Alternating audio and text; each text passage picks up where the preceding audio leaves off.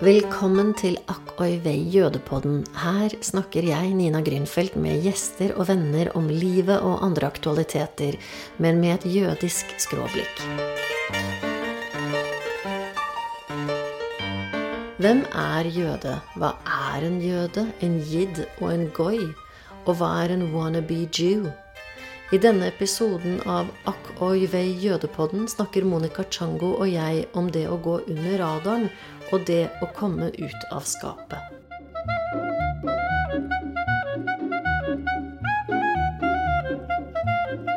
Du, jeg likte utrolig bra det der du sa med at nå skal vi jøde. Ja, men vi skal jo det. For det er jo ingen som vet hvem vi er, Nina. Hvem er vi? Nei, men uh, altså denne ideen her, den dukket jo opp på en, uh, på en middag for uh, noen ganger siden. Hvor vi som kanskje Norges minste minoritet skjønte at vi som er jødiske Vi har jo ikke noe talerør. Og det er jo egentlig derfor vi snakket om, og det var det jo du som fant på, at vi må jo lage Jødepodden. Ja. Uh, og så tror jeg at vi kanskje har lyst til å snakke om både hva som er særegent med det å være jødisk, men egentlig så er det jo ikke sånn at jeg står opp om morgenen og tenker at nå skal jeg ut og jøde. Hva er det, Hva er det å jøde? Veldig bra uttrykk. Men, men, men det, det, det, er ikke, det er jo bare noe jeg er, er, født med. Jeg kan jo ikke på en måte Jeg føler at jeg jøder hele tiden, jeg. Ja, du jøder masse. Ja. Og du jøder jo faktisk Jeg har ikke tenkt på at det er det jeg gjør. Det er derfor jeg tenker når du sier 'nå skal vi jøde', så Ja. kjenner jeg bare 'yes, det er det vi skal gjøre'. Vi skal jøde. Vi skal ta meg faen jøde. Ja, men, det, er- men du, du jøder veldig, og de siste årene så har du vel jødet mer enn noensinne. Jødet eller jøda? Jødet. Jødet. Ja, vi- Veldig pent, da. Ja, ja, men- Og jøde, jødet, har, har jødet. Har jødet. Ja. Hadde jødet. Ja. Og så, så tror jeg jo at både du og jeg eh, har møtt Selv om vi har kjent hverandre i mange år altså jeg, jeg har jo lyst til å fortelle at første gang jeg møtte deg, så eh, Det er jo bare et par år som skiller oss, men i tenårene så er de par årene helt sånn skjellsettende. Og da var vi hjemme hos eh, eh, familien Kahan, som jo er en kjent jødisk familie i Norge. Og så var du kjæreste med en som het Robert. Mm. Sønnen i familien. Sønnen i familien. Og da så jeg deg, og så tenkte jeg at det- er nok det vakreste mennesket jeg har sett i hele mitt liv. Da hadde du på deg et skjørt, tror jeg, til kneet.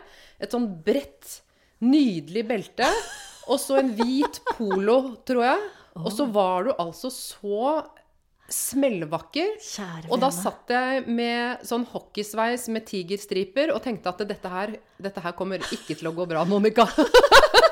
Og du var 14 og jeg var 16 eller Ja, noe sånt noe. Ja. Noe sånt noe. Vet du hva, det skjørtet det husker jeg, det hadde jeg sydd selv. Ja, da stemmer det. Ja, ja, ja. da stemmer det. Og så hadde vi jo ikke kontakt i mange, mange år. Og så har vi vel egentlig kanskje de siste 15 årene hatt øh, øh, ganske mye kontakt. Mm. Og så har vi møttes øh, enda bedre egentlig de siste årene over litt sånn felles tankegods, Mm. sant? For det det er jo et eller annet med at når man er, er født som jøde, jøde, som vi jo er, så er det jo sånn at jeg, jeg er ikke praktiserende Altså, jeg er en sekulær uh, jøde, men, men det er en del tankegods allikevel som jeg føler at det er lettest å snakke med deg om. Vi er kulturjøder. Kulturjøder er et, et bra begrep, syns jeg. Ja. Ja. Og det som jo er interessant, tenker jeg, med den jødiske, det jødiske miljøet i Norge, er jo at det for det første består det av utrolig få mennesker. 1500 ca. Og det er vel omtrent 700 medlemmer, tror jeg, i det som heter Det mosaiske trossamfunn. Altså den jødiske menigheten. Og det er et litt fallende medlemstall. Det var det i hvert fall en periode. Ja. Altså de fleste nordmenn Jeg pleier å si det når jeg er ute og, og snakker med skoleungdom. De fleste nordmenn har verken sett eller håndhilst på en norsk jøde. For vi er de- så få. Vi er så få, og de fleste nordmenn, vet du, det er kjempeinteressant. Jeg pleier å spørre folk som jeg møter eller når jeg holder foredrag og sånn, så pleier jeg å spørre hvor mange jøder tror dere det er i Norge? Og da sier de sånn hm, ja, kanskje 20 eller 40 000? 40 000, hva er det? En by som Kristiansand? Ja, ja, vi kan doble det. Vi kan legge på 80 000-90 000. Er det Kristiansand? Er det lenge siden du har reist? Ok, der fikk vi fram Altså, du er jo fra Kristiansand. Jeg er født opp. Så du, er, du har litt mer provinskunnskap enn meg. Litt Jeg grann. er en håpløs Oslo-tøyte. Du er Oslo-tøyte. Jødetøyte fra Ja, Oslo. mens jeg er distriktsalibiet for denne jødepodden. Ja, men det er bra. Ekstra mangfold. Mm. Ja. Men det er ikke så mye igjen av kristiansandsdialekten. Nei, den har faktisk aldri vært der, fordi at jeg snakket jo ungarsk med pappa, norsk med mamma, og så hadde vi flyttet så mye at uh, når vi flyttet til Kristiansand, så sa jeg visst noe sånt noe som at uh, jeg kan godt flytte dit, men jeg tror ikke jeg får til å snakke sånn. Nei. Men hvis du får i meg et par glass, så kan det være at det skifter litt, grann, altså. Du kan litt om du vil. Jeg kan litt om jeg vil, men Ja. det er veldig viktig da. Sabla. Sabla, hva er det for noe? Og er det for Hva noe? er det for Ja vel, åssen går det? Ja vel, ja, ja. ja vel. Du vet, jeg er på Sørlandet om sommeren. Ja, det er du. Ja. Da var det jo tre jødiske familier. Eh, alle- Kristiansand? I Kristiansand, ja. Så alle sammen var faktisk av ungarsk-jødisk opprinnelse. Ah, Så jeg kjenner alle sammen. ja. Og, og vi traff dem lite grann, men, men man var jo Det var jo ikke sånn jeg gikk og reflekterte så mye, mye over. Altså, det var Jeg gikk på skolen i Kristiansand på 80-tallet, og jeg, jeg, det var aldri noe man snakket om som noe sært. Jeg husker at det, det mest sære jeg opplevde der, var egentlig at jeg fikk spørsmål om jeg ville fritas religionsundervisning. Og det ville jeg ikke på noe som helst vis. Jeg er jo Fordi- så enormt interessert i religion. Ah, Så det er det jeg liker aller best. Så det var, det var litt sånn at eh, Nei, det var Da husker jeg jeg satt i diskusjon med læreren og sa ikke ta fra meg dette her. nettopp. Nei, det er bare et tilbud. Vi nettopp. Det, det er bare et tilbud, ja. Vi fikk faktisk alternativ livssyn fordi faren min insisterte på det. Ja. Da var vi de første barna på vår barneskole og ungdomsskole som fikk dette her. Ja, jeg gikk på Nordstrand skole. eh, Startet eh, skolegangen min i 1975, og hun læreren vi hadde da, hun Snakker vi nå Nordstrand Oslo? Ja, Ja. det var før Kristiansand. Og hun var opptatt av at barna skulle lære seg internasjonalen. Så du Ja. kan jo trygt si at det ikke falt spesielt i god jord hos eh, min far eh, Peter, Som som hadde hadde, flyktet fra, fra kommunistene. Så da ble det et lite oppgjør på kammerset der. Ja, ikke sant? Men det høres jo ut som faren min, fordi vi hadde jo lyst til å gå på søndagsskolen, eh, Ja. broren min og jeg, min lillebror, jeg har to brødre. Eh, bortsett fra på Bygdøy, som jo er et pent, eh, tekkelig, borgerlig strøk. Der er jo ikke søndagsskole på søndager. Det var i hvert fall ikke det på 70-tallet. Det var på 70-tallet. mandager, eller? Det var på tirsdager. og der fikk vi jo boller og saft. Og så fikk vi sånne fine glansbilder. Du vet, av sånn Jesus med lam og sånn. Å, da hadde du lyst til å gå. Å, de var jo så pene, de glansbildene. Så vi kom hjem da med Jesus og lammene, og faren min han rev seg i håret. Hva gjør ungene mine på søndagsskole, de skal ikke lære om Jesus? Og moren min sa bare, men herregud, spiller det noen rolle, de får boller og saft og er glad til. Så det ble ikke så veldig mange ganger. Jeg følte faktisk litt skam og litt skyld over å gå dit. Jeg følte liksom at jeg sviktet faren min. Og det er jo egentlig, slår det meg nå, litt interessant at man liksom i en alder av kanskje sju, åtte, ni år kjenner på at eh, man gjør noe feil. Så det, det Nei, det ble ikke så mye verken søndags- eller tirsdagsskole etter det. Nei, det, altså det eneste tilbudet vi hadde når, da vi flyttet, for jeg flyttet meg til Kristiansand, det var å synge eller delta i noe som het Laget. Eh, og det var jo da en forlengelse av søndagsskolen, da, men for ungdommer. Og der gikk jeg et par ganger, men da følte jeg meg altså så malplassert. Og må jo huske på at jeg kommer fra et hjem hvor ingen av de jødiske tradisjonene har vært overholdt. Det har ikke vært noen praktisk jødedom hjemme hos oss i form av å tenne lys eller lage Men kan du lese kiddush, altså bønnen over sabbatslysene? Ja, det kan jeg. Få høre. Ja, nå tok du meg litt kjapt her. Da Adonai. Elheinu melech haolam lehadlik ner shel shabbat. Er det alt? Amen. Nei, nå har jeg utelatt et par setninger. Det er veldig bra. Jeg kan bare det første. Baruch atah Adonai, elheinu melech haolam. Og så trodde jeg et eller annet sted at det kom noe sånn Shma Israel, Adonai Eloheinu, Adonai Echad. Men det er kanskje en annen der? Nei, for det er jo liksom hovedbønnen du resiterer Ja, der. det tror jeg bare Det kommer på alt, det. Mm, den kommer på alt, nesten. Det er nesten den viktigste bønnen. Ja. Mm. Gud velsigne Israel og et eller annet, og Adonai Had osv. Mm, Gud er én. Gud er én, ja. Mm. ja. Fordi vi tror jo bare på én Gud, i den grad vi tror. Ikke som kristendommen, som Nei. holder på med Gud, Fader, Nei, Sønn og Hellig. Ånd og sånn. Treenighet er forbudt. Det er forbudt. Ja. det er Mm, avgudsdyrkelse. ja, det er det faktisk. Men du, greia er, jeg har jo laget en liten oversikt over liksom temaer jeg tenker vi skal innom. Og så har jeg valgt å gi de noen overskrifter. Og nå sa jo du innledningsvis at vi skal jøde. Og da tenker jeg umiddelbart at herregud, det høres, eh, det høres litt sånn blasfemisk ut å si at man skal jøde. Men jeg liker at du sier det. Altså, Og så må jeg bare si en ting til først. Og det er at eh, fordi i denne oversikten så jeg, kaller jeg jødene for jid. Og jid er et litt eh, blasfemisk ord, vil mange påstå. Jid er liksom det jødiske eller jiddische kortversjonen av jøde, en jid. Og det er ofte også et uttrykk som blir brukt hos antisemitter, ja, nedsettende om jøder. Og goyim er jo et annet uttrykk som også mange velger å ta avstand fra, som er et jiddisch uttrykk uh, for ikke-jøder. Mm. Og for de som ikke vet hva jiddisch er, så er jo jiddisch et uh, østeuropeisk språk som ble utviklet fra middelalderen og fremover, så vidt jeg vet, basert på et slags plattdeutsch, et uh, tysk, bondsk tysk, og ispedd en hel del hebraisk. Mm. Så er det når når du hører det, så høres det litt tyskaktig ut. Veldig tysk. Men bokstavene Det er skrevet med, med hebraiske bokstaver. bokstaver. Ja. Mm. ja, nettopp. Skrevet med hebraiske bokstaver. Mm. Men, men, det jeg egentlig ville si nå, var jo innledningsvis dette her med å jøde og jid og hva som er tabu, og hva som ikke er tabu. Fordi du har valgt, Monica, å være litt tydelig i offentligheten når du syns at noen sier noe som er antisemittisk. Mm. Klarer du, Har du noen tanker om hvor går grensen for når noe er antisemittisk eller ikke? Lang stillhet. Mm. Ja, jeg syns det er vanskelig å, å svare på. Jeg syns det er vanskelig å svare godt på det, Nina. Altså, fordi at jeg syns det må vurderes fra tilfelle til tilfelle. Men jeg syns også det er vanskelig å diskutere nå i et klima hvor når uansett at du reagerer på noe, så får du beskjed om at du er lettkrenket. Mm. Så jeg havnet oppi en eh, ganske ubehagelig diskusjon hvor jeg oppdaget bare i en sånn min egen Facebook-feed så dukket opp noen pysjamaser som så ut som fangedrakter på Auschwitz, som jeg reagerte på. Mm.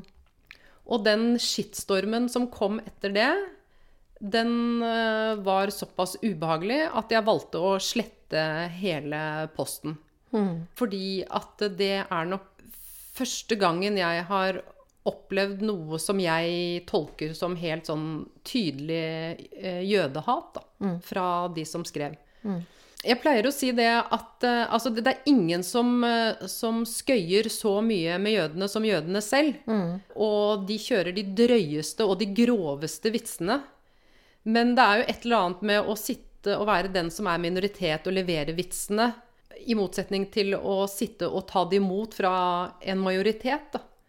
Eh, så jeg tenker at eh, den som er minoritet, må få lov til å melde fra om hva vi synes er ok eller ikke. Mm. Jeg vil f.eks. ha meg frabedt fra at eh, jødiske barn i skolegården skal bli skjelt ut som din jævla jøde. Mm. Grensen har jo gått lenge før det. Mm. Det finnes jo en slags lakmustest som sikkert mange er lei av å høre, men det går jo an å bare bytte ut ordet jøde med n-ordet, mm. og så kjenner du jo med en gang hvor det virkelig lugger. Mm. Jeg tenker jo også det at uh, det er faktisk sånn at vi har større toleranse for jødevitser fortalt av jøder enn ikke-jøder. Ja. Ja, ja. Og det tror jeg at ikke-jødene bare rett og slett må leve med, i mm. hvert fall enn så lenge. Mm. Og så har jeg i det siste vært veldig opptatt av en, en engelskmann, engelsk komiker. Han sier annet at uh, holocaust-vitser er, uh, er jo vanskelig. Men også der går det faktisk an å fortelle veldig gode vitser uten å såre noen, være seg overgriper eller offer. Mm. Og da har jeg lyst til å fortelle en vits han fortalte, som okay. jeg syns er så fin. Er du klar? Ja. det var jo selvfølgelig denne holocaust-overleveren, da. Men etter krigen så døde han, dessverre. Han døde av helt naturlige årsaker.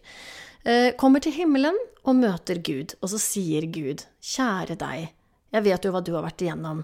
Kan ikke du forklare meg dette her med holocaust-vitser, og fortelle meg en vits? Jo da, det kunne han gjøre, så han fortalte Gud en holocaust-vits. Og så ble Gud veldig stille, og så sa han eh, det der var jo ikke morsomt. Hvorpå jøden sier nei, du måtte nok ha vært der.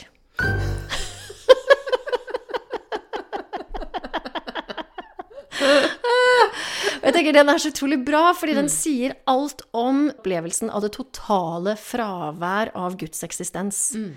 Og det er jo det fraværet av Guds eksistens, tenker jeg, som på mange måter fremdeles preger jødisk humor, jødisk kultur, eh, jødisk søken etter plass i tilværelsen, jødisk behov for anerkjennelse, jødisk angst for hva som kan skje igjen, eh, jødisk skam, jødisk stolthet.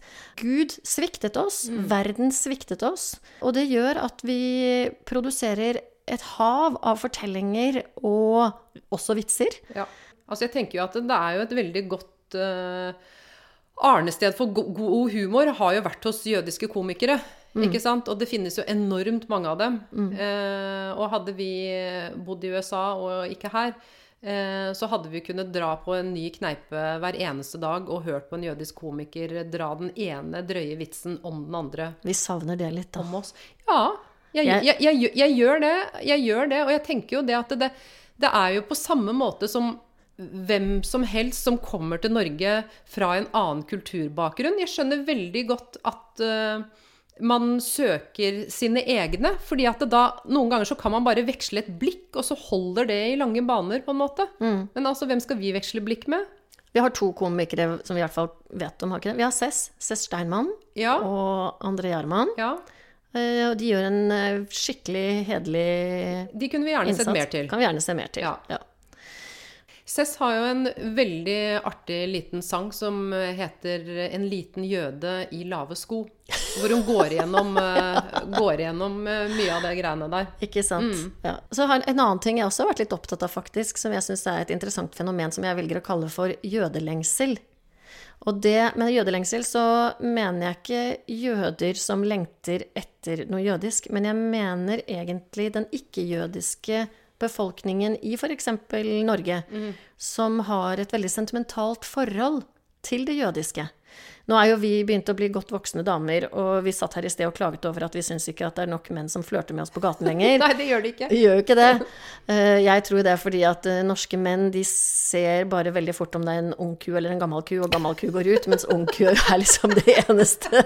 Så det er liksom ikke noe der imellom. Men, men, eh, det, er, men det handler om det norske lynnet. Det handler om det nordeuropeiske lynnet, ja, tenker jeg. Fordi at, at, du skal bare halvannen times flytur ned til Frankrike før det er litt bedre. Men drar du, til, drar du, til, Nederland, så er det ikke sånn at nederlandske menn står og plystrer på gata, de heller. Så Nei, man må ned rundt Middelhavet, altså. Ja. Men det kanskje du også har opplevd. Som ung så opplevde jeg, den gang da jeg var ung og vakker, så opplevde jeg ikke helt sjeldent at uh, goyerske menn, altså ikke-jødiske menn, vil gjerne liksom forbarme seg over meg. Åh. Dette er nytt for meg. Dette, dette, dette jeg... kjenner du ikke igjen? Nei, dette kjenner jeg ikke de, igjen. De, det var veldig eksotisk å være jødisk. Litt sånn som kanskje å være italiensk eller spansk eller fransk. Men eh, det var jo også forbundet med en selvfølgelig dramatisk historie. Alle visste jo hva som hadde skjedd under krigen. Så det å være jødisk, det var da, tror jeg da, dette er min teori, da vekket det et slags kanskje beskytterinstinkt, samtidig med at eh, det var forbundet med noe som hadde mye dramatikk og historie i seg, og at det på en måte var litt eh, spennende. Ja, men nå sitter du og snakker med en som ser så innmari streng ut alltid, og alltid har gjort det. Jeg fikk til og med en gang, husker jeg var på, på eh, en eller annen eh, bar i Oslo, så var det en som prøvde å starte en samtale med meg. Og så Han stakkars menneske prøvde lenge. Og når han gikk, så hadde han skrevet på den hvite papirduken og reva til meg og sa han 'Du er sur som eddik', skrev han. Men det, det er Ja, den, og den er jo røff. Men jeg vet ikke om den slår faktisk den her. Jeg satt i en bar en gang sammen med en venninne, og så kommer en fyr bort, og han var egentlig ganske full. Eh, men han ville liksom egle seg på, da. Og så sa jeg det at nå er jeg faktisk opptatt. Jeg sitter her og prater med venninnen min. Og han prøvde igjen og igjen, og så måtte jeg på en måte bite han litt av. Da ble han ordentlig sur. Så sto han sånn og så på meg sånn, med sånne ugleøyne, og så sa han Du, du har jævlig stor nese. Nei. Sa han det? Jeg har jo stor nese. Ja, du har pen nese. Ja, takk skal du ha, Monica. Men tenker du at han implisitt prøvde å si at du har jødenese, eller? Nei. I hermetegn, for nei, de som det, ikke ser dette her? Nei, ja, herme, nei, vet du, nei det, ja, det, tror jeg vel egentlig ikke. Det er nok mer jøden i meg som skammer meg over nesen min, som jo ikke er fra min jødiske slekt, men fra min mors side, som ikke er jødisk.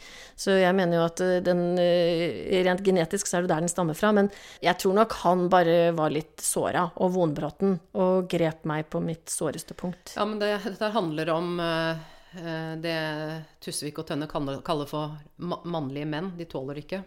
ja, han tålte ikke avvisningen.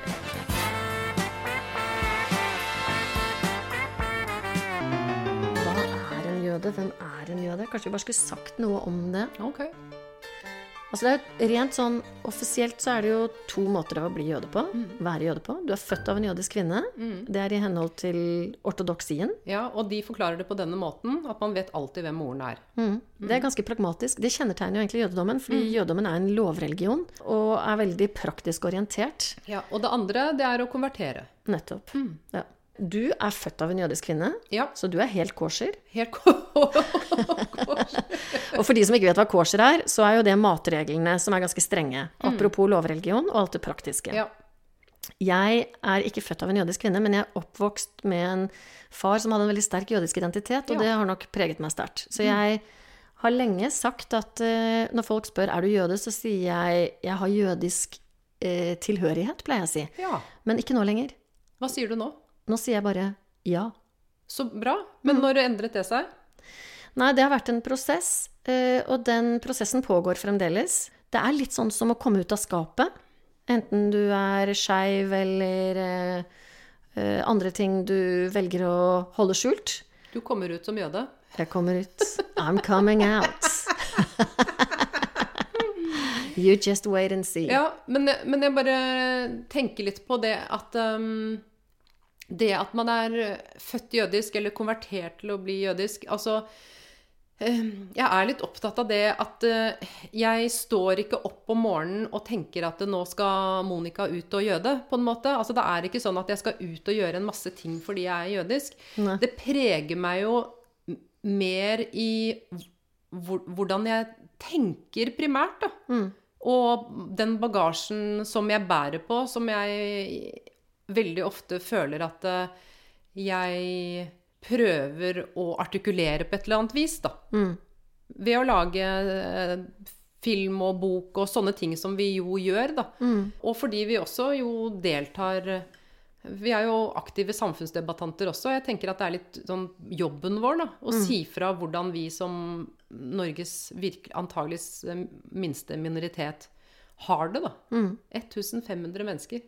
Og det er, tenker jeg er et veldig viktig og alvorlig oppdrag. Og så vil vi jo med denne jødepodden, som vi kaller det, som eh, mange er litt sånn, de steiler litt når de hører det. Wow, kan man si det? Kan man si jødepodd? På samme måte som kan man si jøde? Kan man si jid? Eh, ja, i denne podden så kan vi det. Og denne podden heter Jødepodden, og den heter Ak oi vei. Fordi det er Vi sier på norsk ak ov, men på jiddisch så heter det oi vei. Ja. Og da blir det ak oi vei. Oi, oi, oi. oi, oi, oi. Nei, det der går ikke bra. Nei.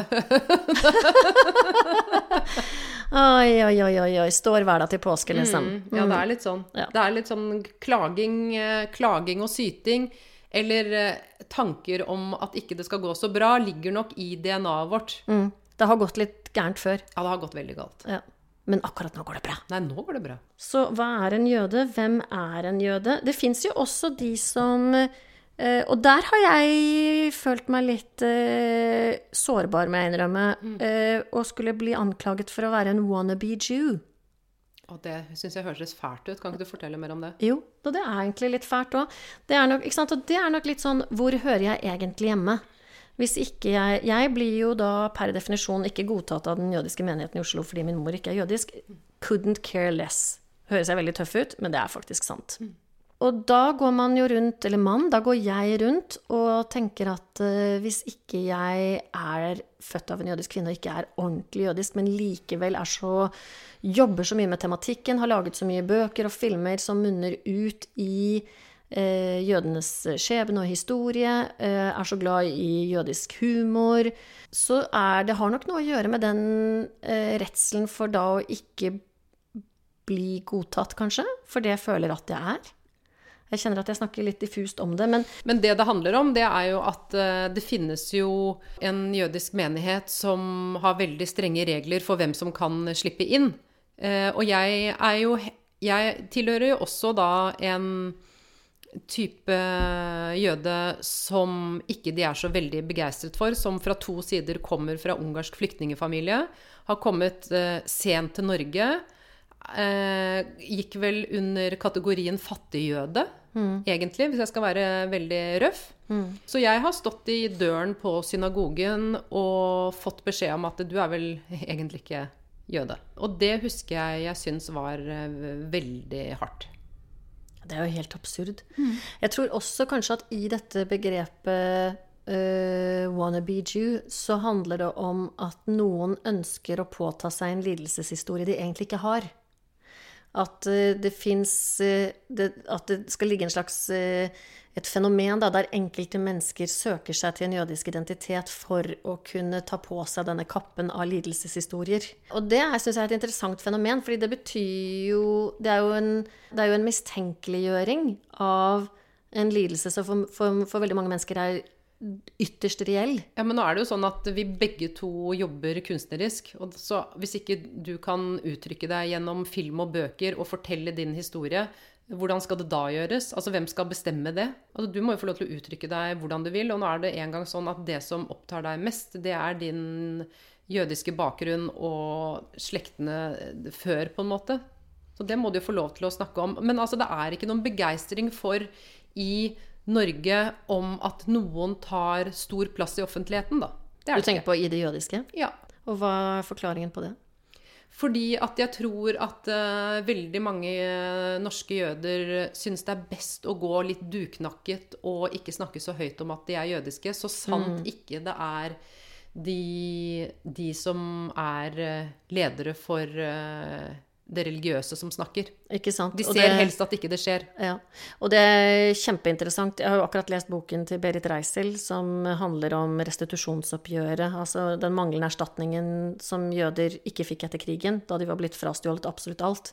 Og der kommer det jo veldig tydelig frem hvor redde norske jøder var for å bringe dette frem redde for å bli ansett for å være grådige. Så det å gå, velge å gå under radaren er jo veldig typisk, tenker jeg, for europeiske og definitivt norske jøder. Og kanskje, kanskje mer norske jøder enn mange andre jøder, fordi vi også har denne janteloven, som jo preger Norge, og selvfølgelig også norske jøder. Ja, jeg må si at uh, hvis man sammenligner f.eks. med Sverige, da, hvor jeg syns det har vært spennende å følge litt svensk politikk og populærkultur og sånt nå. Mm. Og der uh, ser jeg til stadighet navn som jeg identifiserer som jødiske. Ja. Eh, så, så, det er jo ikke så veldig mange vi kan strekke oss etter heller. Nei, og så er det jo sånn at I Sverige så er det selvfølgelig veldig mange flere ja. jøder enn i Norge. Vi hadde jo også en kjedelig historie her i Norge på 60-tallet hvor vi kunne ha fått en mye større jødisk kontingent hvis vi hadde valgt å ta imot de få stakkars jødene som valgte å forlate Polen på 60-tallet pga. den antisemittismen som var der da. Men de tok vi ikke imot? De ville vi ikke ha. Og det er også en kompleks og interessant historie som vi kan komme tilbake til. Eh, men mange av dem havnet i Sverige. Jeg hadde noen av dem som lærere til og med på filmskolen. Så der er det et større og rikere miljø. Og hvis vi er så få, Monica, her, er det da behov for en jødepod? Jeg tenker at det kan være interessant å se Norge og verden gjennom våre brilleglass. Mm. For jeg tror det er noen ganske spennende briller å ha på seg. Mm. Eh, og så får jo da lytterne avgjøre om de har lyst til å høre på. Om vi har nok spennende å bringe til torgs. vi har jo alltid en liten jødevits på lager, da.